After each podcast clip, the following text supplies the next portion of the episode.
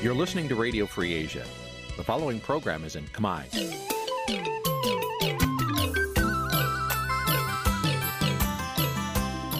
នេះជាកម្មវិធីផ្សាយ Vuthu Azizi Serai នេះជាកម្មវិធីផ្សាយរបស់ Vuthu Azizi Serai ជាភាសាខ្មែរ Vuthu Azizi Serai សូមស្វាគមន៍លោកអ្នកនាងទាំងអស់ពីរដ្ឋធានី Washington នៃសហរដ្ឋអាមេរិក បាទខ្ញុំបាទយ៉ងច័ន្ទដារាសូមជម្រាបសួរលោកអ្នកនាងអ្នកស្ដាប់ Vuthu Azizi Serai ទាំងអស់ជាទីមេត្រីខ្ញុំបាទសូមជូនកម្មវិធីផ្សាយសម្រាប់ព្រឹកថ្ងៃសៅរ៍600ខែមិញឆ្នាំខាលចត្វាស័កពុទ្ធសករាជ2566ត្រូវនឹងថ្ងៃទី11ខែកុម្ភៈគ្រិស្តសករាជ2023បាទជាដំបូងនេះសូមអញ្ជើញលោកអ្នកនាងស្ដាប់ព័ត៌មានប្រចាំថ្ងៃដែលមានមេត្តាដូចតទៅ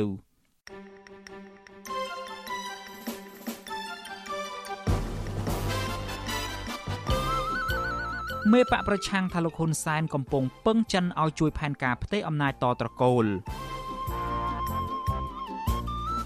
គណៈបកប្រជាធិបតេយ្យមូលដ្ឋានបន្តទៀមទីឲ្យកែតម្រង់ប្រព័ន្ធបោះឆ្នោតប្រជាពលរដ្ឋចោតអភិបាលរងខេត្តព្រះវិហារពាក់ព័ន្ធរឿងឈូសឆាយដីព្រៃសហគមន៍ក្រសួងបរិស្ថានជំរុញឲ្យប្រើប្រាស់កាកសំណល់ឧស្សាហកម្មឡើងវិញ រួមនឹងព័ត៌មានសំខាន់សំខាន់មួយចំនួនទៀត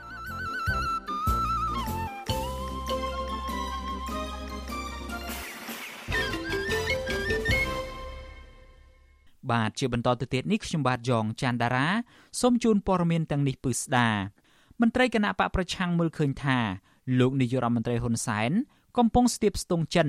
ដើម្បីពឹងពាក់ឲ្យជួយគ្រប់គ្រងលើផែនការផ្ទៃអំណាចបន្តត្រកូលហ៊ុននៅកម្ពុជា ការលើកឡើងបែបនេះ គឺក្រោយពេលលោកហ៊ុនសែនបានដឹកដៃកូនប្រុសរបស់លោកពីរនាក់គឺលោកហ៊ុនម៉ាណែតនិងលោកហ៊ុនម៉ាណីទៅជួបប្រធានាធិបតីចិនលោកស៊ីជីនពីងនៅទីក្រុងប៉េកាំងបាទលោកលេងម៉ាលីរាយការណ៍ព័ត៌មាននេះ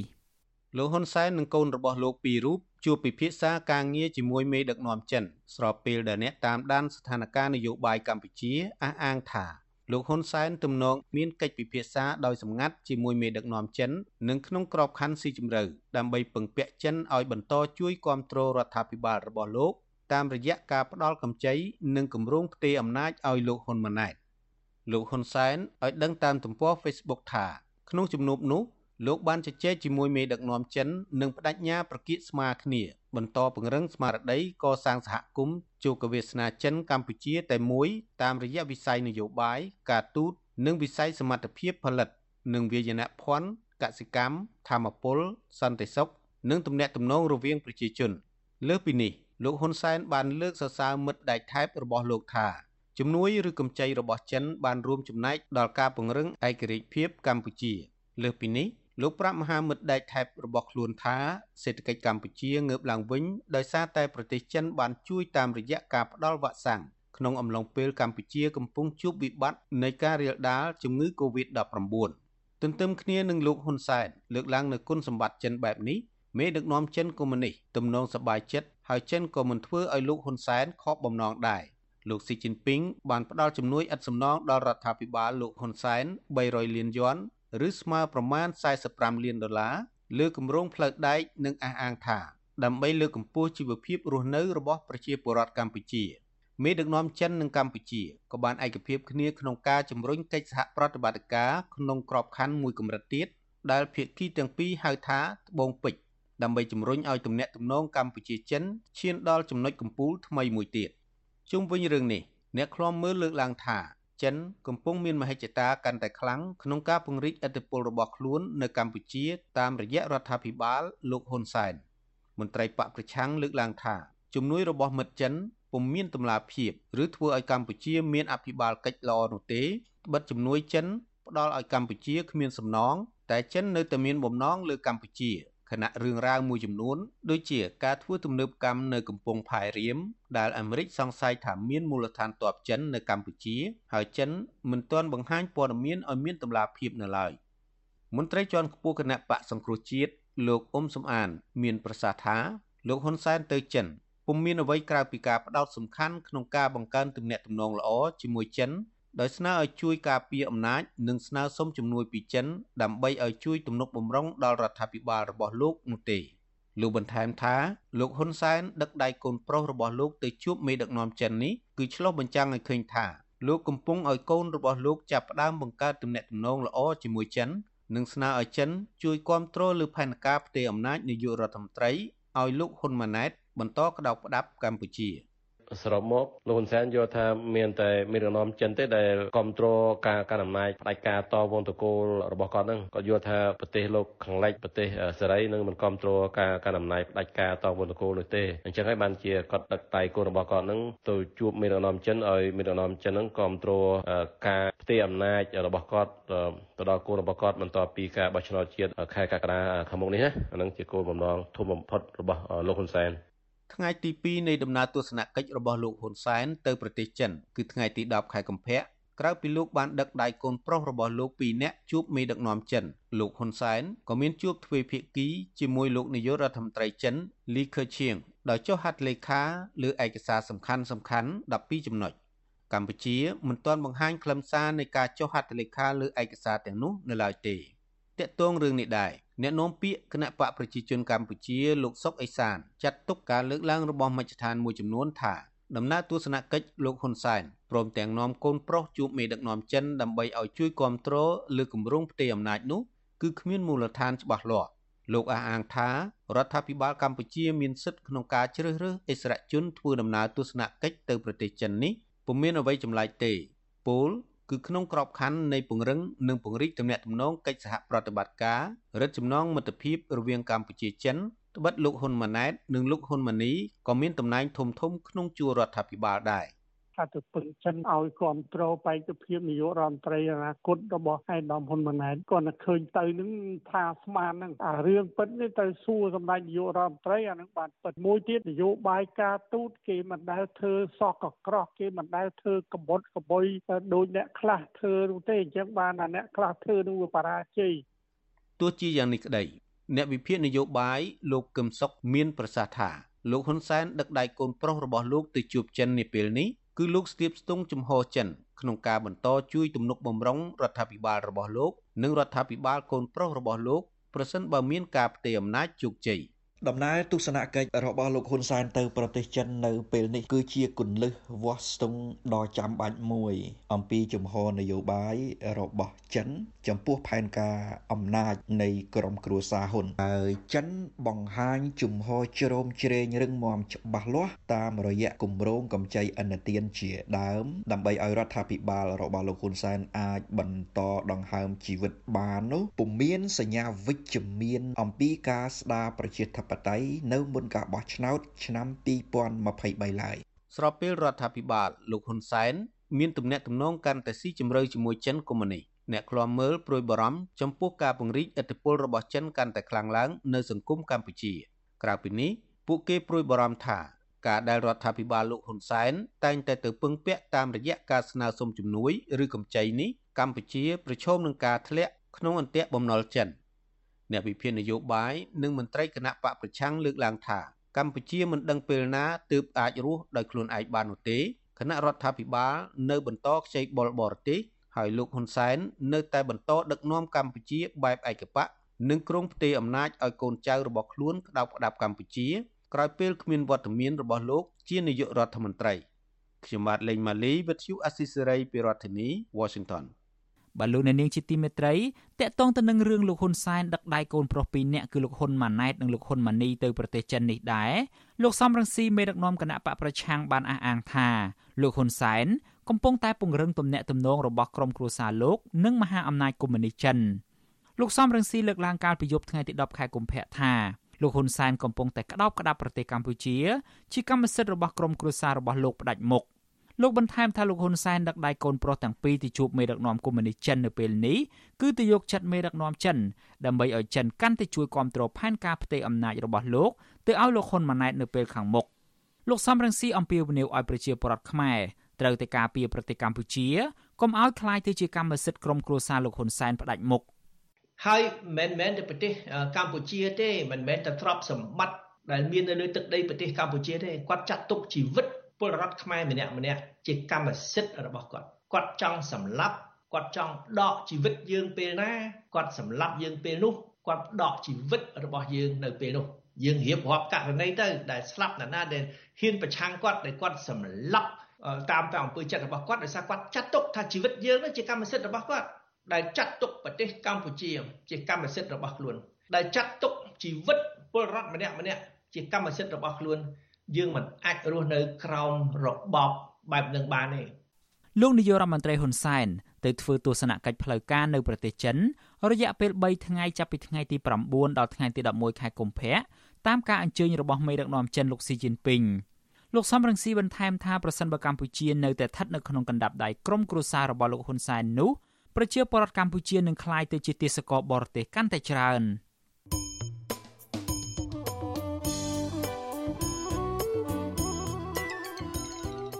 លោកអ្នកនាងជាទីមេត្រីដំណើរគ្នានឹងស្ដាប់ការផ្សាយរបស់ Vuthu Azizi Siri នៅតាមបណ្ដាញសង្គម Facebook និង YouTube លោកអ្នកនាងក៏អាចស្ដាប់ការផ្សាយរបស់យើង តាម Vuthu រលកធាតុអាកាសខ្លីបានដែរ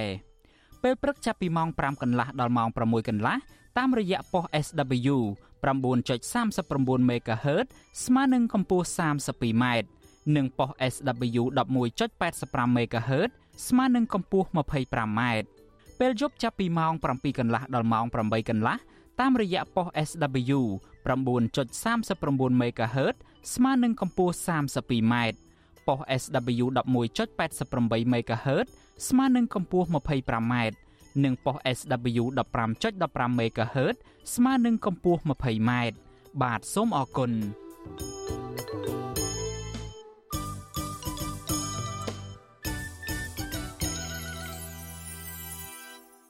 លោកអ្នកនាងកំពុងស្ដាប់ការផ្សាយរបស់ Vuthu Azizi Serai ពីរដ្ឋធានី Washington នៃសហរដ្ឋអាមេរិក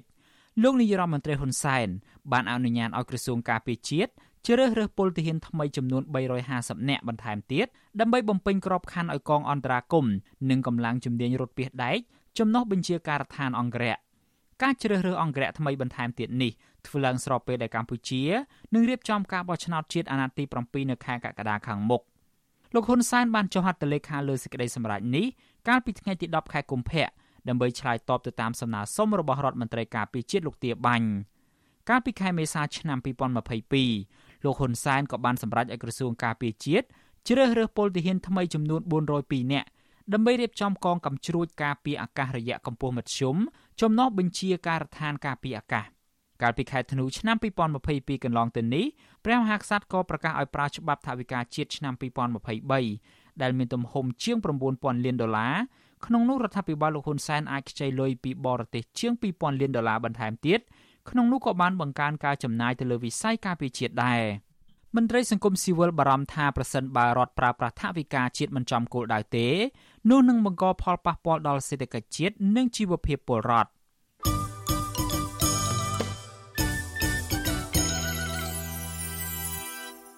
បាឡូននាងជាទីមេត្រីពាក់ព័ន្ធទៅនឹងគណៈបកភ្លើងទៀនឯនេះវិញគណៈបកនេះកំពុងរៀបចំយុទ្ធសាស្ត្រគោលនយោបាយនិងសារនយោបាយដើម្បីរកដំណោះស្រាយជូនពលរដ្ឋគណៈបកនេះសម្លឹងមើលឃើញថាបញ្ហាការងារការអប់រំនិងកសិកម្មគឺជារឿងសំខាន់ដែលគណៈបកភ្លើងទៀនត្រូវរៀបចំជាគោលនយោបាយដើម្បីដោះស្រាយនៅពេលខ្លួនឈ្នះឆ្នោតនេះខែកក្កដាខាងមុខបាទលោកនៅវណ្ណរិនរាយការណ៍ព័ត៌មាននេះ គណៈបកភ្លើងទៀនសម្រាប់សម្រិតសម្រាងយកតែបញ្ហាចម្បងចម្បងរបស់ពលរដ្ឋដាក់ក្នុងគោលនយោបាយរបស់ខ្លួន ដើម្បីដោះស្រាយជូនពលរដ្ឋចំណុចអតិភិបដែលគណៈបកនេះដាក់ជាគោលនយោបាយគឺបញ្ហាការងារកសិកម្មសេដ្ឋកិច្ចនិងការអប់រំជាដើមអនុប្រធានគណៈបកភ្លើងទៀនលោកសុនឆៃលើកឡើងថាគណៈបកភ្លើងទៀនត្រូវគិតទុកជាមុនក្នុងនាមជាគណៈបកគូប្រជែងជាមួយនឹងគណៈបកកាន់អំណាច លោកបន្តទៀតថាការកំណត់គោលនយោបាយនេះគឺសម្រាប់គណៈបកយកទៅអនុវត្តនៅពេលដែលឈ្នះឆ្នោតលោកថាបើទោះជាគណៈបកភ្លើងទៀនមិនអាចបង្កើតការងារឲ្យពលរដ្ឋតែគណៈបកនឹងបង្កភាពងាយស្រួលនៅក្នុងការស្វែងរកការងារជូនពលរដ្ឋលោករំពឹងថាគោលនយោបាយរបស់គណៈបកភ្លើងទៀននឹងទទួលបានការគ្រប់គ្រងពីពលរដ្ឋ ក្នុងករណីដែលគណៈបកព្រឹងទៀនឈ្នះឆ្នោតដើម្បីដឹកនាំរដ្ឋាភិបាលយើងត្រូវគិតឲ្យហើយថាយើងនឹងធ្វើអីអ្វីអ្វីដែលរដ្ឋាភិបាលគណៈបកព្រឹងទៀនត្រូវធ្វើជាចម្បងហើយក្នុងនេះយើងឃើញមានគោលការណ៍5ចំណុចគណៈបកព្រឹងទៀនត្រូវធ្វើគឺពាក់ព័ន្ធនឹងវិស័យសេដ្ឋកិច្ចនេះគឺធ្វើម៉េចឲ្យវិស័យសេដ្ឋកិច្ចនៅកម្ពុជាលូតលាស់លូតលាស់ឲ្យបានឆាប់ឲ្យបានច្រើនការរៀបចំគោលនយោបាយនិងសារនយោបាយរបស់គណៈបកភ្លើងទៀននេះធ្វើឡើងនៅក្នុងសិក្ខាសាលារបស់គណៈបក ដែលមានរយៈពេល2ថ្ងៃពីថ្ងៃទី9និងថ្ងៃទី10ខែកុម្ភៈនៅខេត្តសៀមរាបដោយមានថ្នាក់ដឹកនាំនិងសមាជិកគណៈកម្មការនយោបាយគណៈបកភ្លើងទៀនជាង100នាក់ចូលរួមលោកសុនឆៃឲ្យដឹងថាគណៈបកភ្លើងទៀនក៏មានសារនយោបាយមួយចំនួនផងដែរតាក់ទងនឹងការផ្ដល់ប្រាក់ឧបត្ថម្ភដល់ពលរដ្ឋក្រីក្រ ដែលអាយុច្រើនការគាំពៀប្រាក់ឈ្នួលកម្មកររោងចក្រនិងការដំឡើងប្រាក់ខែជូនគ្រូបង្រៀនជាដើម។ តាក់ទងនឹងការកំណត់នយោបាយនិងសារនយោបាយរបស់គណៈបកភ្លើងទៀននេះអ្នកនាំពាក្យគណៈបកប្រជាជនកម្ពុជាលោកសុកអេសានយល់ថាជារឿងធម្មតាទេដែលគណៈបកនយោបាយចូលរួមការប្រកួតប្រជែងនៅក្នុងការបោះឆ្នោតរៀបចំគោលនយោបាយរបស់ខ្លួនដើម្បីតាក់ទាញសម្លេងឆ្នោតទោះជាបែបនេះក្តីលោកយល់ថាអ្វីអ្វីដែលគណៈបកភ្លើងទៀនរៀបចំជាគោលនយោបាយគឺគណៈបកកាន់អំណាចបានធ្វើនិងដោះស្រាយជូនពលរដ្ឋជាង30ឆ្នាំកន្លងមកហើយ ដូច្នេះលោកយល់ថាគោលនយោបាយទាំងនោះមិនទំនងអាចតាក់ទាញចំណាប់អារម្មណ៍របស់ពលរដ្ឋដែលជាម្ចាស់ឆ្នោតបានឡើយ។ កម្មវិធីនយោបាយដូចជាដោះស្រាយទីផ្សារពលកម្មនៅបរទេសឬមួយក៏ទីផ្សារពលកម្មនៅក្នុងស្រុកតាមរយៈការវិនិយោគពីបរទេសវិនិយោគក្នុងស្រុកខ្ញុំយល់ថាប្រជាពលរដ្ឋមានទំនោរក្នុងការគ្រប់គ្រងកម្មវិធីនយោបាយរបស់គណៈបកប្រជាជនកម្ពុជាមិនគ្រប់គ្រងកម្មវិធីនយោបាយរបស់គណៈបកណាផ្សេងដែលយកតាមគំរូរបស់គណៈបកប្រជាជនកម្ពុជាទេ កាលពីពេលថ្មីថ្មីនេះគណៈបកប្រជាជនកម្ពុជាបានធ្វើមហាសមាជរបស់ខ្លួនដោយគណៈបកនេះចាប់វិស័យកសិកម្មជារឿងចម្បង និងការប្រកាសបដិញ្ញាតាមគំតិចចោលនយោបាយនិងសកម្មភាពជ្រុលនិយមគ្រប់រូបភាពឲ្យអស់ពីសង្គមកម្ពុជា ដោយអះអាងថាដើម្បីរក្សាសន្តិភាព និងស្ថិរភាពនយោបាយ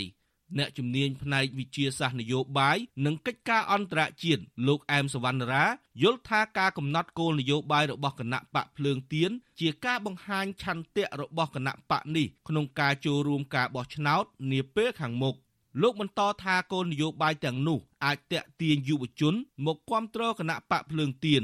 ទោះយ៉ាងណាក្តីលោកសង្កេតឃើញថាគណៈបកភ្លើងទៀនមិនបានលើកឡើងបញ្ហាព្រំដែន និងបញ្ហាអន្តោប្រវេសន៍ដាក់នៅក្នុងគោលនយោបាយរបស់ខ្លួននោះទេ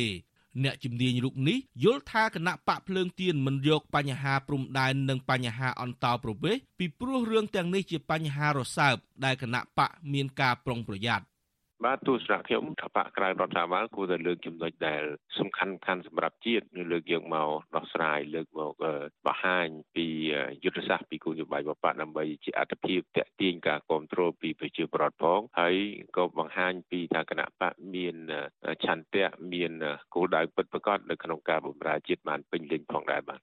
គណៈបកភ្លើងទៀននឹងយកគោលនយោបាយនិងសារនយោបាយទាំងនេះដាក់ទៅក្នុងគណៈបកពិនិត្យនិងអនុម័តដើម្បីប្រើប្រាស់ជាផ្លូវការនៅក្នុងអង្គសមាជរបស់ខ្លួនដែលគ្រោងធ្វើនៅថ្ងៃទី11ខែកុម្ភៈខាងមុខនៅខេត្តសៀមរាបខ្ញុំបាទនៅវណ្ណរិន With Chu Azizi Saray ពីរដ្ឋធានី Washington បាទលោកនាងជាទីមេត្រីតកតងទៅនឹងបញ្ហានយោបាយនេះដែរគណៈបកប្រជាធិបតេយ្យមូលដ្ឋាន បន្តស្នើឲ្យរដ្ឋសភា ពិចារណាដោះស្រាយបញ្ហាប្រព័ន្ធបោះឆ្នោតឡើងវិញ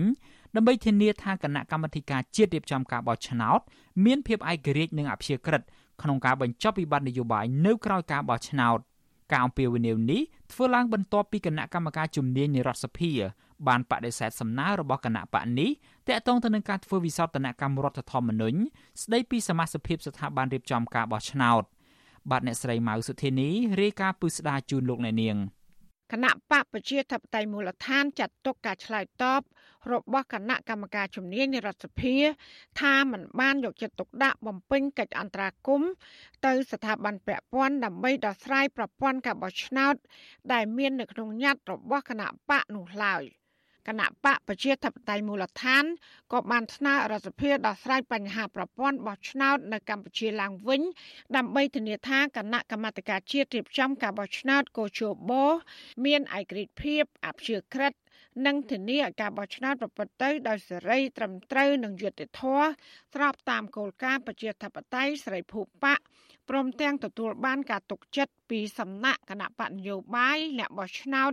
និងបញ្ជានៅវិបត្តិនយោបាយក្រោយការបោះឆ្នោត គណៈបកប្រជាធិបតេយ្យមូលដ្ឋាន ចង់ឲ្យមានការផ្លាស់ប្តូរសមាជិកភាពទាំង9រូបរបស់កោជបតាមរយៈការជ្រើសរើសបុគ្គលឯករាជ្យនិងធ្វើវិសោធនកម្មច្បាប់កែប័ណ្ណបញ្ជានិងនីតិវិធី សម្រាប់ការបោះឆ្នោតជ្រើសតាំងតំណាងរាស្ត្រនីតិកាលទី7នៅខែកក្កដាឆ្នាំ2023 ប្រធានគណៈបកប្រជាធិបតេយ្យមូលដ្ឋាន លោកយេងវិរៈសោកស្ដាយចំពោះរដ្ឋាភិបាលដែលបដិសេធនៅសំណើគណៈបករបស់លោកដោយសារការបកស្រាយរបស់រដ្ឋាភិបាលគឺធ្វើឡើងមិនចំគោលបំណងឬកម្មវត្ថុនោះឡើយទោះយ៉ាងណាលោកនៅតែបដិញ្ញាតស៊ូមតិស្វែងរកដំណោះស្រាយជាមួយភាគីពាក់ព័ន្ធជាបន្តទៀតដើម្បីជជែកពីការកែលម្អប្រព័ន្ធបោះឆ្នោតនៅកម្ពុជា។ សភាគួរតែអង្កេតគួរតែអន្តរាគមតែយើងមើលក្នុងក្នុងការឆ្លើយតបរបស់គាត់ហ្នឹងអត់មាននិយាយអំពីការដែលគណៈកម្មការសភាហ្នឹងសួរនាំអីក៏ជឿមកអីសោះអត់គាត់គាត់យោងច្បាប់មកគាត់គាត់ខ្វោតច្បាប់មកឲ្យយើងមើលវិញតែវាអត់ដោះស្រាយបញ្ហាផងហើយបញ្ហាទៅកែច្បាប់កែច្បាប់មួយចំនួនច្បាប់របស់ឆ្នោតជាតាមតំណាងរាស្ត្រហើយនឹងច្បាប់ស្ដីពីការរៀបចំនិងប្រព្រឹត្តទៅរបស់ដែលកោជប ប្រតិកម្មនេះធ្វើឡើងនៅបន្ទាប់ពីគណៈកម្មការទី1នៃរដ្ឋសភា បានឆ្លើយតបទៅនឹងសំណើរបស់គណៈបកប្រជាធិបតេយ្យមូលដ្ឋានជុំវិញការធ្វើវិសោធនកម្មរដ្ឋធម្មនុញ្ញស្ដីពីសមាជិកភាពស្ថាប័នគណៈកម្មាធិការជាតិរៀបចំការបោះឆ្នោត។ លិខិតកាលពីថ្ងៃទី26ខែមករាគណៈកម្មការទី1នៃរដ្ឋសភា បានផ្ញើទៅប្រធានគណៈបកប្រជាធិបតេយ្យមូលដ្ឋានលោកយេងវិរៈដោយអះអាងថាគណៈកម្មាធិការជាតិរៀបចំការបោះឆ្នោត បានអនុវត្តត្រឹមត្រូវតាមច្បាប់ ស្ដីពីការរៀបចំនិងការប្រព្រឹត្តទៅនៃស្ថាប័នបោះឆ្នោតដោយយោងតាមបញ្ជីឈ្មោះគណៈបកនយោបាយទាំង20ដែលបានចូលរួមការបោះឆ្នោតនិងលទ្ធផលផ្លូវការនៃចំនួនអ្នកបោះឆ្នោតជ្រើសតាំងតំណាងរាស្ត្រនេតការទី6កាលពីឆ្នាំ2018ប្រធានគណៈកម្មការទី1នៃរដ្ឋសភាលោកសសំរងបានប្រាប់បច្ចុប្បន្នស៊ីស្រីដោយខ្លីថាប្រកាសដែលគណៈបកប្រជាធិបតេយ្យមូលដ្ឋានប្រកាសបដិសេធមិនទទួលយកការបកស្រាយពីរដ្ឋាភិបាលនោះគឺជាសិទ្ធិរបស់គណៈបកហើយលោកអះអាងថាការឆ្លើយកន្លងមកនេះគឺធ្វើឡើងត្រឹមត្រូវតាមច្បាប់ ឯកភាពបានឯកភាពហើយក៏មានយោបល់មួយចំនួនអំពីចក្រលេខាបូកនឹងអ្នកច្បាប់ចឹងខ្ញុំឆ្លោតទៅតាមវិត្រានៃច្បាប់និងគោលការណ៍បាទរឿងគាត់ទទួលយកមិនទទួលយកគាត់ធ្វើអធិប្បាយតែគាត់ទេ កន្លងទៅគណៈបកក្រៅរដ្ឋាភិបាលមួយចំនួនធ្លាប់បានដាក់លិខិតរដ្ឋាភិបាលក្រសួងមហាផ្ទៃនិងគណៈកម្មាធិការជាតិរៀបចំការបោះឆ្នោតកោជបជាបន្តបន្ទាប់ដើម្បីស្នើកែលម្អស្ថាប័នបោះឆ្នោតនេះដែរក៏ប៉ុន្តែស្ថាប័នមានសមត្ថកិច្ចទាំងនោះมันបានយកចិត្តទុកដាក់ដល់ស្រ័យឬឆ្លើយតបដោយវិជ្ជមាននោះឡើយ។ ចាជុំវិញរឿងនេះអ្នកសម្របសម្រួលផ្នែកអង្កេតរបស់អង្គការឃ្លាំមើលការបោះឆ្នោត Confrel លោកកនសវាងសង្កេតឃើញថាសំណើរបស់គណៈបកនយោបាយនេះគឺជាសំណើដែលរដ្ឋាភិបាលគួរតែយកចិត្តទុកដាក់ដោះស្រាយដែលចោះស្រាវជ្រាវជាមុនសិនមុននឹងបកស្រាយដើម្បីឲ្យការបោះឆ្នោត មានយុត្តិធម៌អាចជឿទុកចិត្តបានពីគ្រប់ភាគីពាក់ព័ន្ធ លោកក៏សម្គាល់ថាកន្លងមកការធ្វើវិសោធនកម្មតាក់ទងនឹងការបោះឆ្នោតធ្វើទៅបានលុះត្រាតែមានការសម្របសម្រួលផ្នែកនយោបាយខណៈដែលលោកមើលឃើញថាសមាជិកសភាបច្ចុប្បន្នអសកម្មក្នុងការដោះស្រាយសំណើរបស់ប្រជាពលរដ្ឋ តំណាងរាស្ត្រត្រូវចាំបាច់ត្រូវធ្វើការសិក្សាហើយហើយត្រូវធ្វើការបកស្រាយហើយអញ្ចឹងការបកស្រាយហ្នឹងតាមលក្ខណៈបច្ចេកទេសណាយើងអត់ទាន់និយាយពីរឿងកែមកែទេប៉ុន្តែទូទៅកាលណាការអនុវត្តបើឃើញមានការប៉ះពាល់មានការតែការតបហើយសភាហ្នឹងហើយដែលមានទួនាទីនៅក្នុងការពិនិត្យមើលទៅលើគណនេយ្យភាពទាំងអស់ហ្នឹងទៅលើការអនុវត្តទាំងអស់ហ្នឹងដើម្បីឲ្យដំណើរការហ្នឹងវាប្រព្រឹត្តទៅបានដោយល្អប្រសើរ កម្ពុជានឹងរៀបចំការបោះឆ្នោតជាតិជ្រើសតាំងតំណាងរាស្ត្រអាណត្តិទី7នៅថ្ងៃអាទិត្យទី23ខែកក្កដាឆ្នាំ2023 គណៈកម្មាធិការជាតិរៀបចំការបោះឆ្នោតនៅតរងការីគុណពីសហគមន៍ជាតិនិងអន្តរជាតិថាជាស្ថាប័នពុំឯករាជ្យមិនអព្យាក្រឹតនិងមាននានាការគ្រប់គ្រងគណៈបកកណ្ដាលអំណាចគណៈក្បាលម៉ាស៊ីនថ្នាក់ដឹកនាំនិងមន្ត្រីជាន់ខ្ពស់នៃស្ថាប័នជាតិមួយនេះភាគច្រើនគឺជាមនុស្សដែលចេញពីជួរមន្ត្រីជាន់ខ្ពស់របស់គណៈបកប្រជាជនកម្ពុជា គណៈបកប្រជាធិបតេយ្យមូលដ្ឋាន បានរំលឹកដល់ម្ចាស់ឆ្នោតថាការបោះឆ្នោតជ្រើសតាំងតំណាងរាស្ត្រគឺចង់ឲ្យតំណាងរាស្ត្របំពេញភារកិច្ចលើសពីការគ្រាន់តែដកស្រង់មេត្រាច្បាប់ដោយត្រូវធ្វើការអង្កេតអន្តរាគមដោះស្រាយបញ្ហាជាតិជាពិសេសតាមរយៈការកែឬធ្វើច្បាប់ប្រកបដោយការទទួលខុសត្រូវខ្ពស់ដោយគោរពរដ្ឋធម្មនុញ្ញចាននាងខ្ញុំម៉ៃសុធានីវិទ្យុអសីស្រីប្រធានាធិបតី Washington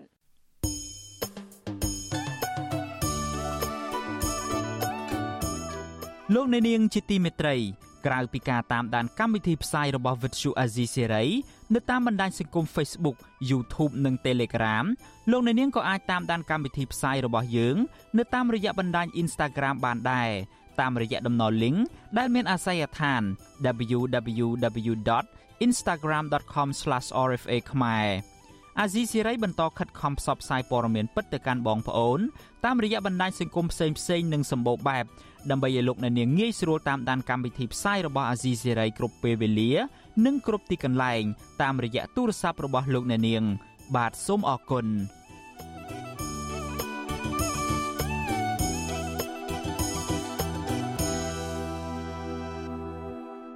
លោកអ្នកនាងកំពុងស្ដាប់ការផ្សាយរបស់ Vuthu Azizi Serai ពីរដ្ឋធានី Washington នៃសហរដ្ឋអាមេរិកនៅឯខេត្តព្រះវិហារឯណោះវិញជនជាតិដើមភាគតិចគួយជាច្រើនអ្នក កាលពីថ្ងៃទី10ខែកុម្ភៈបានលើកគ្នាទៅខាត់គ្រឿងចាក់ជាថ្មីទៀតដែលបន្តឈូសឆាយព្រៃសហគមន៍ភូមិជីអោកនិងផលដំណាំរបស់ពួកគាត់អ្នកភូមិសង្ស័យថាក្រុមហ៊ុនសន្តានាដែលជារបស់អភិបាលរងខេត្តព្រះវិហារម្នាក់មានជាប់ពាក់ព័ន្ធទៅនឹងការឈូសឆាយនេះបាទលោកសេចបណ្ឌិតរាយការណ៍រឿងនេះពិស្ដាជនជាតិដើមភាគតិចគួយជាង30នាក់តំណាងឲ្យពលរដ្ឋជាង200គ្រួសាររស់នៅភូមិជីអោកឃុំរមនីស្រុករវៀង ខឹងសម្បាចំពោះទង្វើរបស់អាជ្ញាធរខេត្តព្រះវិហារដែលបើកដៃឲ្យក្រុមហ៊ុន ជារបស់អភិបាលខេត្តព្រះវិហារឈូសឆាយព្រៃសហគមន៍ជាអោកនិងផលដំណាំរបស់អ្នកភូមិជាថ្មីទៀតជនជាតិដើមភេតិចគួយ លោកសានសៀប្រាប់បទសុអសីស្រីថាក្រុមហ៊ុនបានយកត្រាក់ទ័រមួយគ្រឿងប្រភេទអាបុលលួចឈូសឆាយព្រៃសហគមន៍ជាអោកនិងផលដំណាំរបស់អ្នកភូមិជាថ្មីទៀតនៅរយៈពេល2ថ្ងៃចុងក្រោយនេះ ដែលបំផ្លាញដំឡូងមីរបស់លោកអស់ជិត1ហិកតា និងដំណាំអ្នកភូមិផ្សេងផ្សេងទៀតលោកថាអ្នកភូមិជាង30នាក់បានលើកគ្នាហាមឃាត់គ្រឿងចាក់នោះមិនឲ្យបន្តឈូសឆាយដោយរងចាំការដោះស្រាយជាមុនសិនក៏ប៉ុន្តែអ្នកបើកគ្រឿងចាក់មិនព្រមស្ដាប់តាមការស្នើសុំរបស់អ្នកភូមិឡើយ។ ឈូសរបស់ខ្ញុំរួចខ្ញុំចោលខ្ញុំអត់មានដីស្រែទេមានចង្ការដាក់ទៅគេឈូសឆាយទៀតចាប់បណ្ដោយដឹងទៅរស់នៅណាទីស្រែណាចាប់បណ្ដោយដំណើរការទៅមុខទៀតហើយដល់ច្បកដល់នៃទឹកខ្យល់ហើយថ្ងៃជួយដល់ប្រជាពលរដ្ឋរឿងជួរឿងអានេះជួស្អងជាជួអីណាវល់អីដល់ពេលថ្ងៃហាត់សំផ្លាញអស់លីងខ្ញុំអត់ទេនិយាយវាឈូសច្រើនខាងនេះផងអាខាងជើងផងវាលួចមកអត់នេះមកអត់នេះបរោះជនជាតិដើមភៀតតិចគួយវ័យ60ឆ្នាំរូបនេះ បន្ទោសអាជ្ញាធរខេត្តព្រះវិហារថា បានខុបខិតជាមួយនឹងក្រុមហ៊ុនសន្តានាបន្តរំលោភយកដីធ្លីរបស់សហគមន៍ដ៏ធំសម្បើមបំផ្លាញប្រភពសេដ្ឋកិច្ចនិងអត្តសញ្ញាណរបស់អ្នកភូមិលោកថារយៈពេលជិត1ឆ្នាំចុងក្រោយនេះដើមឈើធំធំប្រភេទឈើទាលកគីធ្នង់និងសុក្រំជាដើមស្ថិតនៅក្នុងព្រៃអភិរក្សមួយនេះត្រូវបានកាប់បំផ្លាញអស់ស្ទើរតែទាំងស្រុងហើយដីសហគមន៍យ៉ាងហោចណាស់ជាង100ហិកតា ក៏ត្រូវគេឈូសឆាយយកអស់ដែរសមាជិកសហគមន៍លោកចាស់សុថេនថ្លែងថាក្រុមហ៊ុនគ្រោងនឹងឈូសឆាយព្រៃស្រោងជាង300ហិកតាធ្វើឲ្យអ្នកភូមិកើតទុកមិនសុខចិត្តបានលើកគ្នាតវ៉ាជាញឹកញាប់ទើបធ្វើឲ្យក្រុមហ៊ុនផ្អាកសកម្មភាពបណ្ដោះអាសន្នសិនលោកថាដំបងឡើយអ្នកភូមិជាង300នាក់លើកគ្នាតវ៉ាប្រឆាំងការឈូសឆាយនេះក៏ប៉ុន្តែអាជ្ញាធរមូលដ្ឋាន បានគម្រាមចាប់ពលរដ្ឋដាក់គុកធ្វើឲ្យអ្នកភូមិខ្លះខ្លាចរអាមិនហ៊ានចេញមុខតវ៉ាឡើយ។ អញ្ចឹងអត់ដែលធំធំមកពីអគឺគេកាត់អស់លីងហើយទាំងពីរដែលគាត់ដែលថាក្រុមហ៊ុនក្រុងវិនិយោគគឺប្រជាពលរដ្ឋមកគ្រប់តំបន់មកដល់គាត់មកណាត់គ្នាមកកាត់ឈើហើយអត់មានណាដែលទប់ស្កាត់ឈ្នះទេតែអាចជាមានការបាក់ដៃពីអញ្ញាធរផងអាតឡងដែលពួកគាត់ទៅដាំហ្នឹងមកឈូសហើយហាមក៏អត់ស្ដាប់ដែរហើយវិទ្យុអសីស្រីមិនទាន់អាចតាក់ទងសុំការបំភ្លឺជុំវិញសកម្មភាពឈូសឆាយនេះពីអ្នកនាំពាក្យសាលាខេត្តព្រះវិហារ លោកយងគំហឿងបាននៅឡើយទេកាលពីថ្ងៃទី10ខែកុម្ភៈដោយទូរស័ព្ទចូលច្រើនដងតែពុំមានអ្នកទទួលចំណែកប្រធានមន្ទីរខេត្តព្រះវិហារលោកសុងចានសុជាតិបដិសេធបំភ្លឺរឿងនេះប្រាប់បទសុអសីស្រីតាមទូរស័ព្ទជុំវិញករណីរំលោភដីធ្លីនេះអ្នកភូមិស៊ើបដឹងថាអង្គញាម្នាក់ឈ្មោះអុកកំសាន មានតួនាទីជាអភិបាលរងខេត្តព្រះវិហារមានមហិច្ឆតារំលោភយកដីព្រៃនៅតំបន់នោះធ្វើជាអាជីវកម្ម និងទុនទ្រានយកដីអស់រាប់រយហិកតា ដោយសារតែទីផ្សារដីឡើងថ្លៃខ្ពស់វិទ្យុអស៊ីសេរីនៅពុំទាន់អាចតាក់ទងសុំការបំភ្លឺអំពីរឿងនេះពីអង្គការអុកកំសានបាននៅឡើយទេ រហូតមកដល់ម៉ោងផ្សាយនេះប្រជាសហគមន៍អះអាងថាមេឃុំរមនីលោកខុតរីតែងតែចុះជួបប្រជាពលរដ្ឋដោយលួងលោមឲ្យប្រជាពលរដ្ឋចូលរួមផ្តិតមេដៃគាំទ្រឲ្យអាជ្ញាធរកាត់ឈើដីព្រៃសហគមន៍ជីអោក300ហិកតា ដើម្បីវិនិយោគនិងអភិវឌ្ឍដីសម្បត្តិសង្គមគិច្ចចែកជូនដល់ប្រជាពលរដ្ឋក្រីក្រជុំវិញរឿងនេះមន្ត្រីសម្របសម្រួលសមាគមអាត6ខេត្តព្រះវិហារលោកឡាវច័ន្ទចាត់ទុកសកម្មភាពឈូសឆាយព្រៃសហគមន៍និងផលដំណាំរបស់ជនជាតិដើមភាគតិចជាទង្វើខុសច្បាប់ដែលអាជ្ញាធរមានសមត្ថកិច្ចគួរតែអនុវត្តច្បាប់ជាបន្ទាន់ដោយមិនគួរបណ្តែតបណ្តោយយ៉ាងដូចនេះឡើយ។ ហើយបែរជាមន្ត្រីជំនាញដែលនៅចិត្តនឹងសោះគាត់អត់មានគិតគូរយកចិត្តទុកដាក់ដើម្បីជាប់ប្រក្រាបឬដើម្បីឲ្យមានវិធានការទៅនឹងជនទាំងអស់ហ្នឹងហាក់បីដូចជាមានការខុបខិតគ្នាបានជាដីព្រៃសហគមន៍ឥឡូវចង់คลายជាវាលហោឋានមួយចំនួនហើយបែរជាមានរហូតដល់អាអិចឬក៏អត្រាយកទៅវាយអញ្ចឹងហើយខាងមន្ត្រីជំនាញនៅស្ងាត់ទៀតព្រៃសហគមន៍ភូមិជាអោកឬហៅម្យ៉ាងទៀតថា សហគមន៍តំបន់ការពារធម្មជាតិជាអោកបឹងព្រៃគឺជាផ្នែកមួយនៃដែនជម្រកសត្វព្រៃបឹងពែមានផ្ទៃដីជាង2000ហិកតា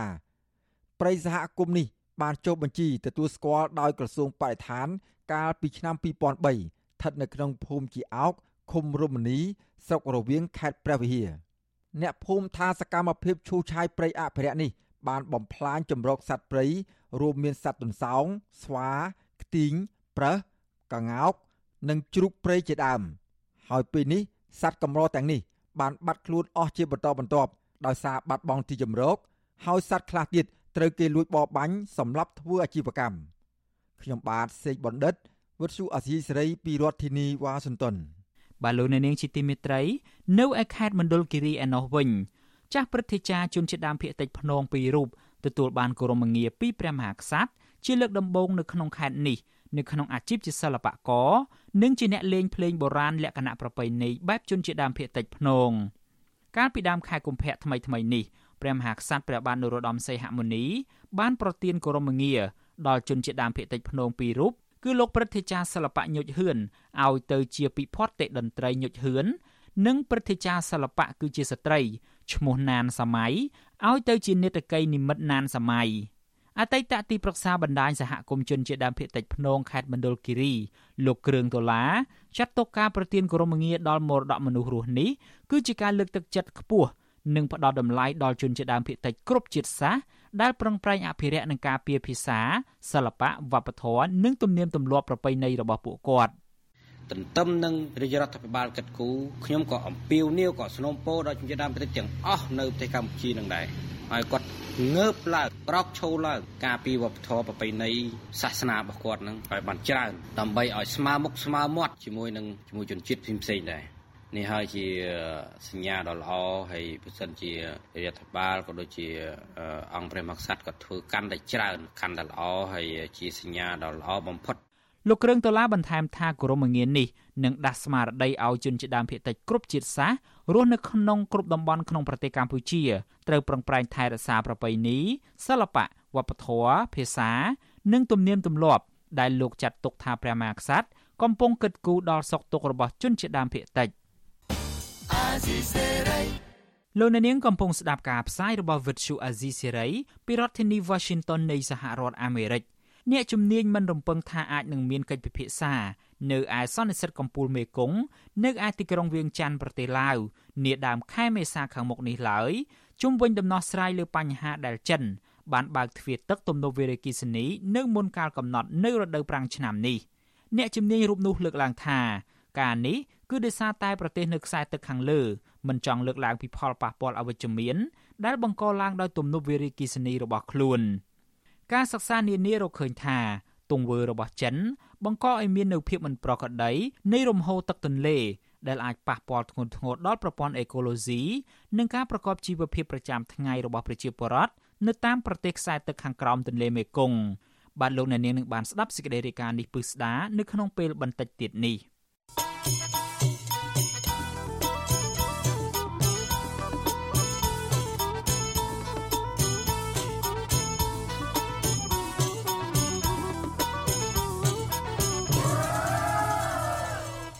បាទលោកអ្នកនាងជាទីមេត្រីពាក់ព័ន្ធទៅនឹងរឿងបរិស្ថានវិញ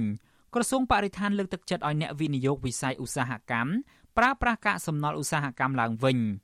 វេទិកាថ្នាក់តំបន់អាស៊ីនិងប៉ាស៊ីហ្វិកលើកទី11ដែលបានបិទបញ្ចប់កាលពីថ្ងៃទី10ខែកុម្ភៈនៅតែបន្តជជែកអំពីប្រធានបទសមាហរណកម្មសេដ្ឋកិច្ចវិលជុំទៅក្នុងការពិវត្តវិស័យចម្បងចម្បងដើម្បីឈ្មោះទៅសម្រេចបានសង្គមគ្មានសំណល់និងគោលដៅអភិវឌ្ឍប្រកបដោយចីរភាព អ្នកនាំពាក្យក្រសួងបរិស្ថានលោកណេតភត្រាថ្លែងថាការសិក្សាបានបង្ហាញថាសំណល់ឧស្សាហកម្មកាត់ដេរនៅកម្ពុជា នៅក្នុងមួយឆ្នាំប្រមាណ160,000តោនហើយមានតែ60%នៃសំណល់នេះទេ ដែលបានយកទៅចាក់នៅទីលានចាក់សំរាមក្រៅពីនេះសំណល់មួយចំនួនត្រូវបានយកទៅកែច្នៃនិងមួយចំនួនទៀតគឺគេយកទៅដុតដើម្បីបង្កើតបានជាធម្មពលយកមកប្រើប្រាស់ឡើងវិញ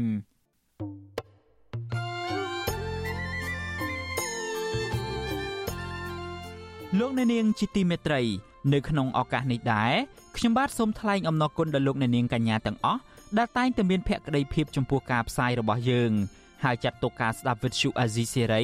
គឺជាផ្នែកមួយនៃសកម្មភាពប្រចាំថ្ងៃរបស់លោកអ្នកនាងគឺការគ្រប់គ្រងរបស់លោកអ្នកនាងនេះហើយដែលធ្វើឲ្យយើងខ្ញុំមានទឹកចិត្តកាន់តែខ្លាំងក្លាថែមទៀតនៅក្នុងការស្វែងរកនិងផ្តល់ព័ត៌មានជូនលោកអ្នកនាង មានអ្នកស្ដាប់អ្នកទស្សនាកាន់តែច្រើនកាន់តែធ្វើឲ្យយើងខ្ញុំមានភាពស្វាហាប់ មោះមុតជាបន្តទៅទៀតយើងខ្ញុំសូមអរគុណទុកជាមុនហើយសូមអញ្ជើញលោកអ្នកនាងកញ្ញាទាំងអស់ចូលរួមជំរុញឲ្យសកម្មភាពផ្តល់ព័ត៌មានយើងនេះកាន់តែជោគជ័យបន្ថែមទៀតលោកអ្នកនាងអាចជួយយើងខ្ញុំបានដោយគ្រាន់តែចុចចែករំលែកឬមួយក៏ Share ការផ្សាយរបស់យើងនៅលើបណ្ដាញសង្គម Facebook និង YouTube ទៅកាន់មិត្តភ័ក្តិដើម្បីឲ្យការផ្សាយរបស់យើងបានទៅដល់មនុស្សកាន់តែច្រើន បាទសូមអរគុណ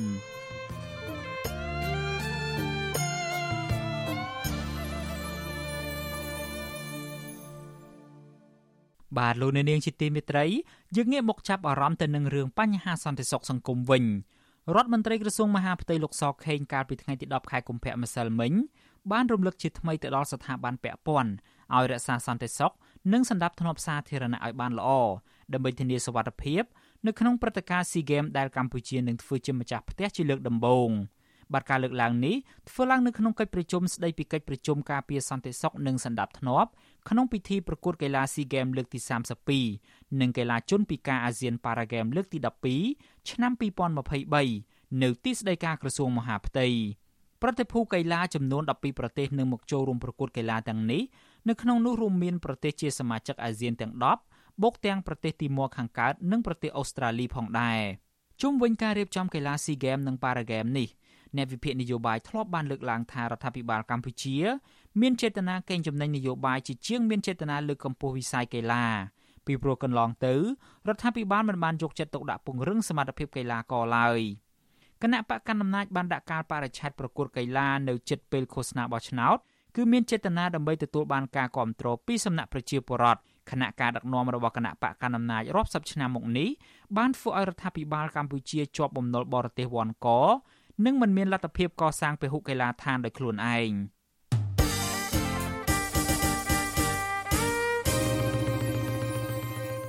បាទលោកអ្នកនាងជាទីមេត្រីពាក់ព័ន្ធទៅនឹងរឿងគ្រឿងញៀនវិញ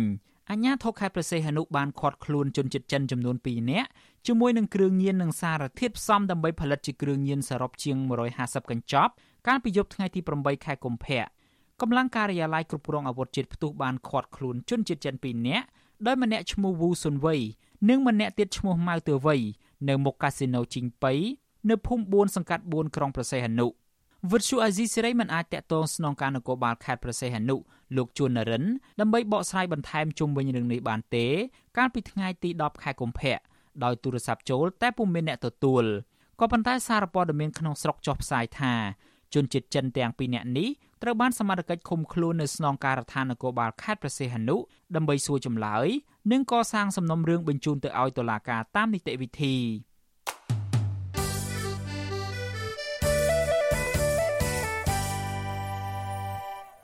បាទលោកអ្នកនាងជាទីមេត្រីតកតងទៅនឹងរឿងបង្ខាំងមនុស្សដោយខុសច្បាប់វិញក្រសួងមហាផ្ទៃទទួលបានបណ្ដឹងចំនួន2ករណីទៀតដែលស្នើសុំឲ្យជួយសង្គ្រោះជនរងគ្រោះជាជនបរទេសចំនួន3នាក់ អ្នកនាំពាក្យក្រសួងមហាផ្ទៃលោកខៀវសុភ័ក្របានប្រាប់កាសែតក្នុងស្រុកថាក្រសួងទទួលបានបណ្ដឹងទាំងពីរនេះកាលពីថ្ងៃទី8ខែកុម្ភៈក៏ប៉ុន្តែលោកមិនបានបញ្ជាក់ទេថាតើជនបរទេសទាំង3នាក់នោះគឺជាជនជាតិអ្វីនិងត្រូវបានគេឃុំឃាំងនៅក្នុងខេត្តណាមួយឡើយក្រសួងមហាផ្ទៃបញ្ជាក់ថាគិតមកដល់ត្រឹមថ្ងៃទី8ខែកុម្ភៈក្រសួងទទួលបានសំណើឲ្យជួយសង្គ្រោះចំនួន731ករណីមានមនុស្សជាង1700នាក់ ហើយក្រសួងមហាផ្ទៃស៊ើបអង្កេតបានជិត500ករណីនិងជួយសង្គ្រោះមនុស្សបានចំនួនជាង1000នាក់ទោះជាយ៉ាងណាមន្ត្រីអង្គការសង្គមស៊ីវិលយល់ថារដ្ឋាភិបាលកម្ពុជាមិនបានជួយសង្គ្រោះជនបរទេសដែលត្រូវបានគេឃុំខ្លួននិងបង្ខាំងឲ្យធ្វើការដោយមានប្រសិទ្ធភាពទេជាក់ស្ដែងកាលពីចុងខែមករាកន្លងទៅកម្លាំងសមត្ថកិច្ចប្រទេសម៉ាឡេស៊ីបានមកជួយជនជាតិម៉ាឡេចំនួន114នាក់ក្នុងចំណោមជនជាតិម៉ាឡេស៊ីចំនួន145នាក់ ដែលត្រូវបានឃុំខ្លួននិងបង្ខំឲ្យធ្វើការបោកប្រាស់តាមអនឡាញដោយខ្លួនឯងផ្ទាល់នៅលើទឹកដីកម្ពុជា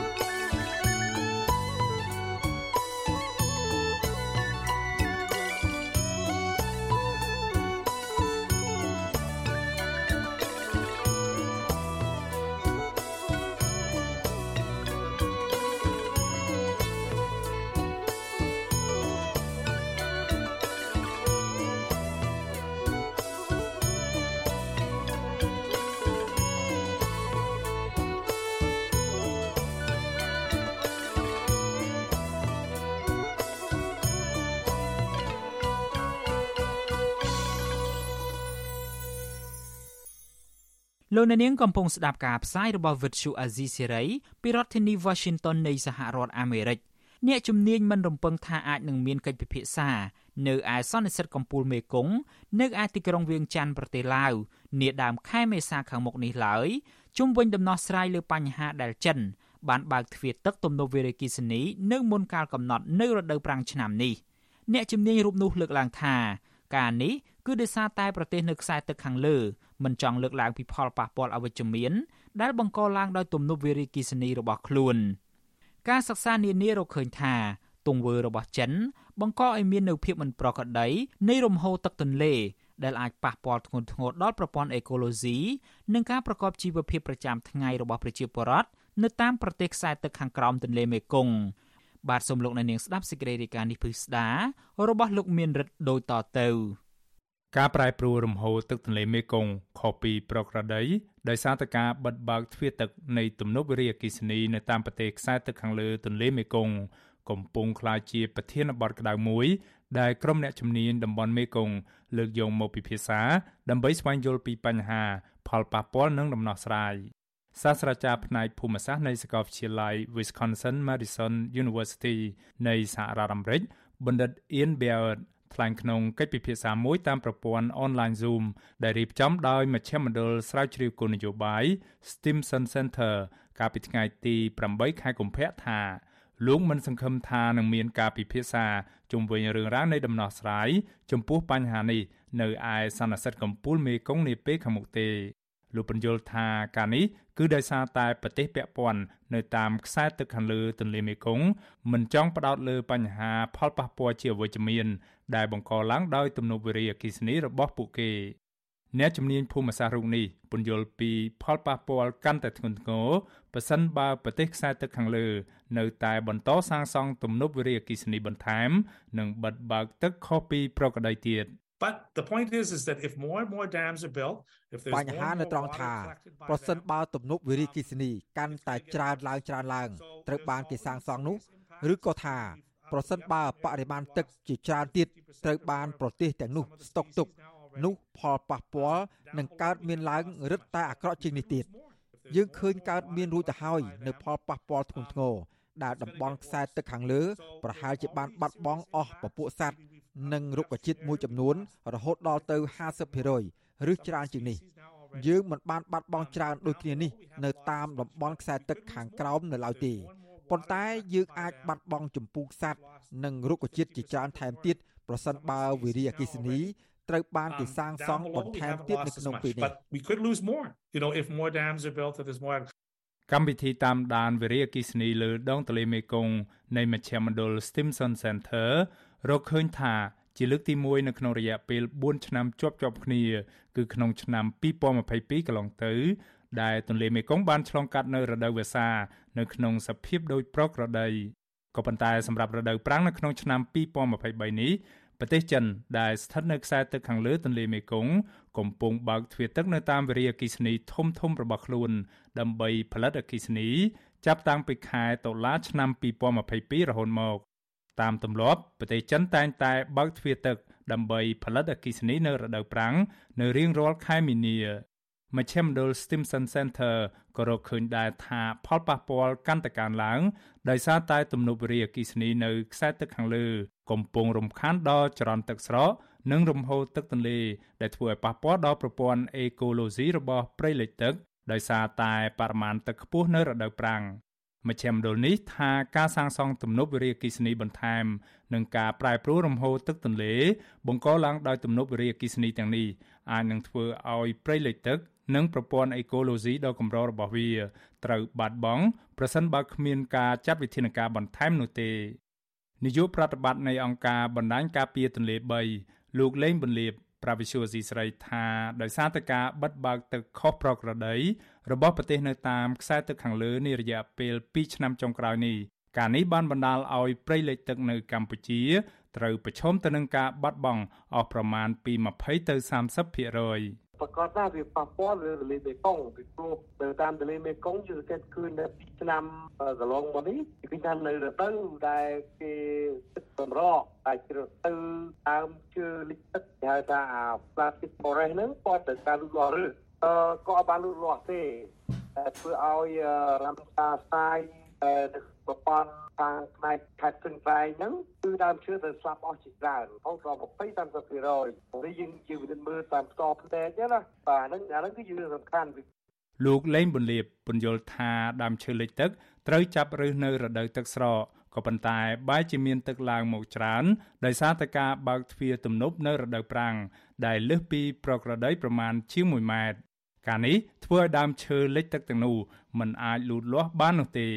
ផ្ទុយទៅវិញ នៅរដូវដែលដើមឈើទាំងនេះត្រូវទឹកលិចលង់វិញ គឺនៅខែកញ្ញាឬខែតុលាទឹកទន្លេបែរជាធំថយទៅវិញ ដោយសារតែប្រទេសខ្សែទឹកខាងលើ ស្តុកទឹកទុកលោកថាការនេះបានបណ្ដាលឲ្យតំបន់រ៉ាមសាដែលមានព្រៃលិចទឹកសម្រាប់ទាក់ទាញភ្ញៀវទេសចរនៅក្នុងខេត្តស្ទឹងត្រែងនិងខេត្តក្រចេះត្រូវទទួលបរាជ័យ មកបរាជ័យដោយសារតែដើមជឿទាំងអស់នោះជាបានគៀនស្ពិតងាប់អស់ចង់20 30%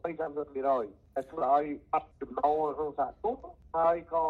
កាត់ចោលទៅនៅក្នុងមលំ2នៅឯស្ទឹងត្រែងនេះទៀតក៏បាត់បង់អស់តាំងពីខែ2ឆ្នាំទៅមកម្ល៉េះអញ្ចឹងវាជាហេតុមួយដែលជួយការលំហូរទឹកគឺប៉ះពាល់ដល់ជីវៈចម្រុះរុក្ខជាតិឬក៏អ្វីអ្វីដែលជាធនធាននៅក្នុងតំបន់ទន្លេមេគង្គក្រោមនៃប្រទេសយើងនឹងឯង តំបន់រ៉ាមសាស្ថិតនៅក្នុងខេត្តស្ទឹងត្រែង មានផ្ទៃដីជាង10000ហិកតាតំបន់នេះគ្របដណ្ដប់ដោយព្រៃលិចទឹក និងអន្លង់ជ្រៅជ្រៅដែលជាជង្រុកត្រីជាច្រើន រួមទាំងសត្វស្លាបចម្រុះទៀតផងបណ្ឌិតអៀនប៊ែអឺតផ្ដល់ដំណោះស្រាយថារឿងរ៉ាវចំនួន2ដែលគេអាចធ្វើបាននៅពេលនេះដើម្បីកាត់បន្ថយផលប៉ះពាល់ដល់ព្រៃលិចទឹកទាំងនោះគឺតាមរយៈការកាត់បន្ថយបរិមាណទឹក ដែលត្រូវបញ្ចេញដោយទំនប់វារីអគ្គិសនីនៅក្នុងរដូវក្តៅឬមួយទៀតគឺថាប្រទេសពាក់ព័ន្ធមិនត្រូវសាងសង់ទំនប់វារីអគ្គិសនីធំធំបន្ថែមទៀតដែលអាចស្តុកទឹកទុកនិងមិនត្រូវស្តុកទឹកទុកបន្ថែមទៅលើអ្វីដែលកំពុងកើតមាននាពេលនេះទេគិតត្រឹមយប់ថ្ងៃទី9ខែកុម្ភៈវិសុយស៊ីស្រីមិនទាន់អាចតាក់ទងណែនាំពាក្យក្រសួងធនធានទឹកលោកច័ន្ទយុធាដើម្បីសុំការពន្យល់បន្ថែមពីផលប៉ះពាល់ទាំងនេះបាននៅឡើយទេ ក្រុមមេដឹកនាំមកពីបណ្ដាប្រទេសក្នុងតំបន់មេគង្គគ្រូអំពីវនីវឲ្យមានដំណោះស្រាយថ្មីថ្មីប្រកបដោយការច្នៃប្រឌិត ដើម្បីឆ្លើយតបទៅនឹងបញ្ហាប្រឈមនានា ដែលតំបន់មេគង្គកំពុងជួបប្រទះពួកគេនឹងបើកកិច្ចប្រជុំកម្ពុជារបស់គណៈកម្មការទន្លេមេគង្គនៅដើមខែមេសាខាងមុខនេះនៅឯប្រទេសឡាវដើម្បីកំណត់ជោគវាសនារបស់អាងទន្លេមេគង្គខ្ញុំបាទមេរិត Visual C ស្រីពីរដ្ឋធានី Washington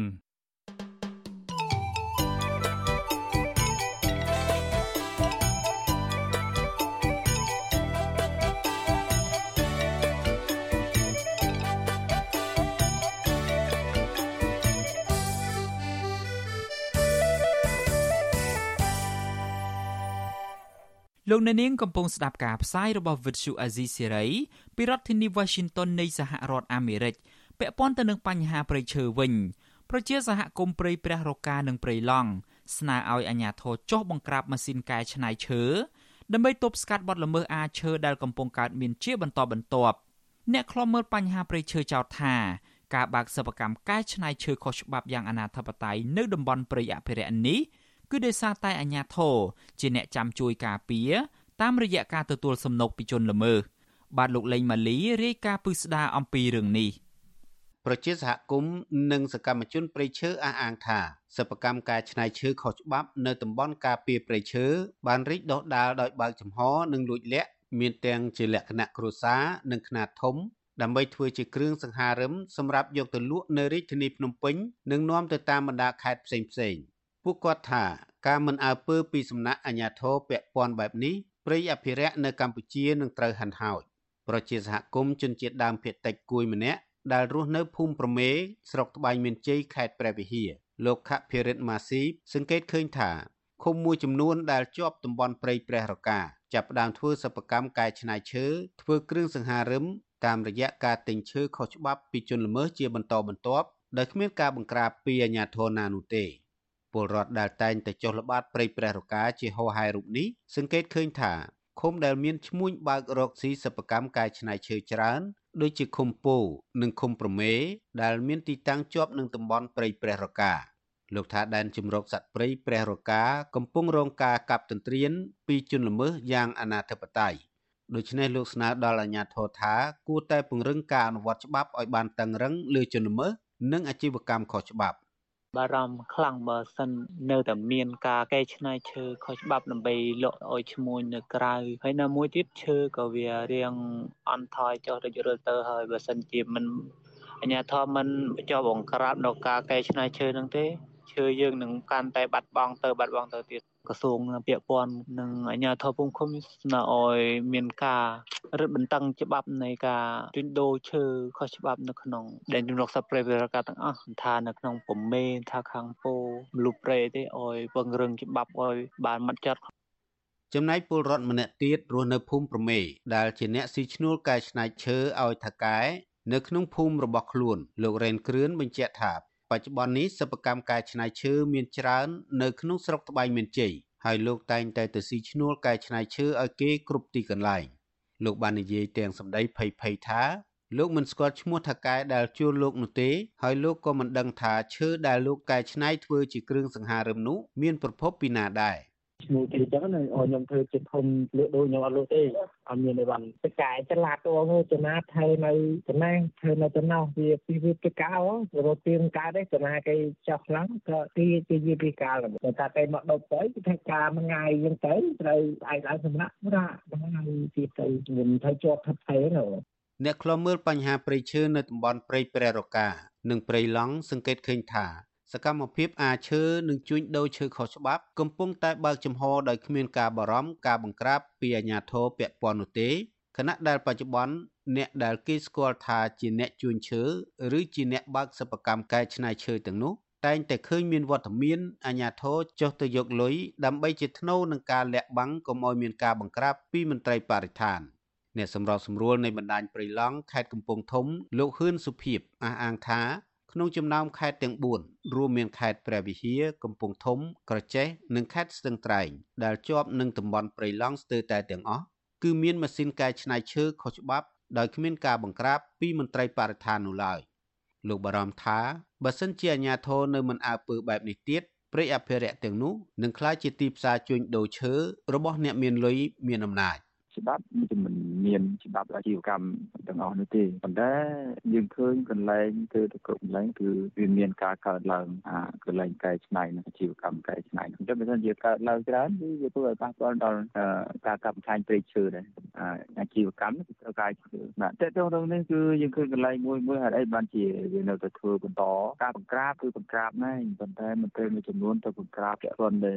លុយកាក់ទេរោរោគ្នាយកទៅលុយយកទៅអីទៅវាដល់ចេញទៅបាត់ជុំវិញរឿងនេះអ្នកនាំពាក្យកងរាជអាវុធហត្ថលើផ្ទៃប្រទេសលោកអេងហ៊ីលើកឡើងថាករណីបើកសិប្បកម្មកែច្នៃឈើខុសច្បាប់នេះលោកធ្លាប់បានប្រជុំប្រាប់ទៅអាជ្ញាធរដែនដីក្នុងមូលដ្ឋានដើម្បីចុះបង្ក្រាបម្ដងរួចមកហើយកាលពីចុងឆ្នាំ2021ប៉ុន្តែលោកមិនដឹងថាតើអាជ្ញាធរបានបង្ក្រាបឬក៏អត់នោះទេតែយ៉ាងណាក្តីលោកនឹងយកព័ត៌មាននេះដើម្បីស្រាវជ្រាវម្ដងទៀត បាទទី1នៅពេលដែលប្រជុំគណៈកម្មការជាតិយើងបានណែនាំទៅអាជ្ញាធរដែនដីអស់ហើយអាជ្ញាធរដែនដីគ្រប់នៅខាងពិសុទ្ធកម្មដឹងអីហ្នឹងបាទអាហ្នឹងគឺណែនាំអស់ហើយអញ្ចឹងបើសិនជា ករណីដែលគាត់មិនទាន់ធ្វើអានឹងអត់អីខ្ញុំទួលព័ត៌មានហ្នឹងដើម្បីខ្ញុំរាយការណ៍ទៅបន្តហ្នឹងដើម្បីឲ្យគាត់ចុះត្រួតពិនិត្យមើលហ្នឹងបាទអាហ្នឹងអាហ្នឹងគាត់ថាខុសច្បាប់យើងក្រាបហើយឲ្យតែខុសច្បាប់អាហ្នឹងយើងធ្វើទៅតាមផ្លូវច្បាប់ផ្លូវច្បាប់យើងមានបើសិនជាអ្វីដែលយើងត្រូវអប់រំអប់រំអ្វីដែលយើងត្រូវក្រាបអនុវត្តច្បាប់គឺយើងអនុវត្តច្បាប់ហ្នឹងជាក់ស្ដែងយើងទៅមើលសិនបាទ ដោយឡែកសកម្មជនការពារព្រៃឈើលោកសាន់ម៉ាឡា មើលឃើញថាបញ្ហាបើកសិប្បកម្មកែច្នៃឈើខុសច្បាប់នៅតំបន់ព្រៃអភិរក្សនេះធ្វើឲ្យព្រៃឈើកាន់តែហិនហោចលោកបន្តថាប្រសិនជាអាជ្ញាធរមិនចាត់វិធានការលើឈ្មួញទាំងនោះឲ្យបានតឹងរឹងក្នុងពេលឆាប់ៗទេនេះសបញ្ជាក់ឲ្យឃើញថាអាជ្ញាធរពាក់ព័ន្ធគ្មានទំនួលខុសត្រូវនឹងធនធានធម្មជាតិដែលបាត់បង់នៅពេលបច្ចុប្បន្នឡើយ។ គួរតែបិទសិប្បកម្មទាំងអស់នោះចោលជាបន្ទាន់អាចបណ្តែតបណ្ដោយឲ្យសិប្បកម្មទាំងអស់នោះផលិតគ្រឿងសង្ហារឹមដែលកើតចេញអំពីឈើមិនស្របច្បាប់នោះទេដោយសារវានឹងបង្កមហន្តរាយធ្ងន់ធ្ងរដល់ប្រៃឈើនៅប្រទេសកម្ពុជារបស់យើងយើងឃើញមានសិប្បកម្មលក្ខណៈគ្រួសារតូចតូចជាច្រើនដែលគង់តែកែច្នៃឈើហើយមានរោងសិប្បកម្មខ្លះគឺធ្វើក្បែរផ្លូវច្រកចូលក្នុងដែនជំរកសត្វព្រៃព្រះរកាផងដែរ របាយការណ៍អង្កេតលើកទី2របស់ក្រុមអ្នកស្រាវជ្រាវនៃសាកលវិទ្យាល័យ Copenhagen នៃប្រទេសដាណឺម៉ាកចេញផ្សាយកាលពីពេលថ្មីៗនេះកម្ពុជាបានបាត់បង់ព្រៃឈើជាង140,000ហិកតា កាលពីឆ្នាំ2020ក្នុងនោះការបាត់បង់គម្របព្រៃឈើក្នុងដែនជម្រកសត្វព្រៃឡង់បានកើនឡើង22%ព្រៃព្រះរកាកើនឡើង43%និងដែនជម្រកសត្វព្រៃសង្ឃរុក្ខាវ័នមានចំនួន47% ប្រជាពលរដ្ឋភ័យច្រើនដែលអាស្រ័យផលលើអនុផលព្រៃឈើតាមរយៈការប្រមូលជ័រទឹកបេះផ្លែឈើប្រមូលទឹកឃ្មុំ ដើម្បីប្រកបរបរចិញ្ចឹមជីវិតជាប្រចាំថ្ងៃសោកស្ដាយចំពោះទង្វើមិនខ្វាយខ្វល់របស់មន្ត្រីបរិស្ថាន និងអាជ្ញាធរដែលបណ្ដេតបណ្ដោយឲ្យព្រៃឈើបន្តបាត់បង់កាន់តែច្រើនប្រជាពលរដ្ឋនិងសកម្មជនទទូចស្នើដល់អាជ្ញាធរទាំងនោះថាគួរតែផ្លាស់ប្តូរអេរយាប័តចោតប្រកាន់លើប្រជាសហគមន៍ ហើយងាកមកចូលរួមការពារធនធានធម្មជាតិឲ្យបានគង់វង្សខ្ញុំបាទលេងម៉ាលីវិទ្យុអស៊ីសេរីពីរដ្ឋធានី Washington លោកអ្នកនាងកញ្ញាជាទីមេត្រីវិទ្យុអាស៊ីសេរីសូមជូនដំណឹងថាយើងគ្មានអ្នកយកព័ត៌មានប្រចាំនៅប្រទេសកម្ពុជាទេប្រសិនបើមានជនណាម្នាក់អះអាងថាជាអ្នកយកព័ត៌មានឲ្យវិទ្យុអាស៊ីសេរីនៅកម្ពុជា នោះគឺជាការក្លែងបន្លំយកឈ្មោះអាស៊ីសេរីទៅប្រើនៅក្នុងគោលបំណងទុច្ចរិតណាមួយរបស់បុគ្គលនោះតែប៉ុណ្ណោះបាទសូមអរគុណ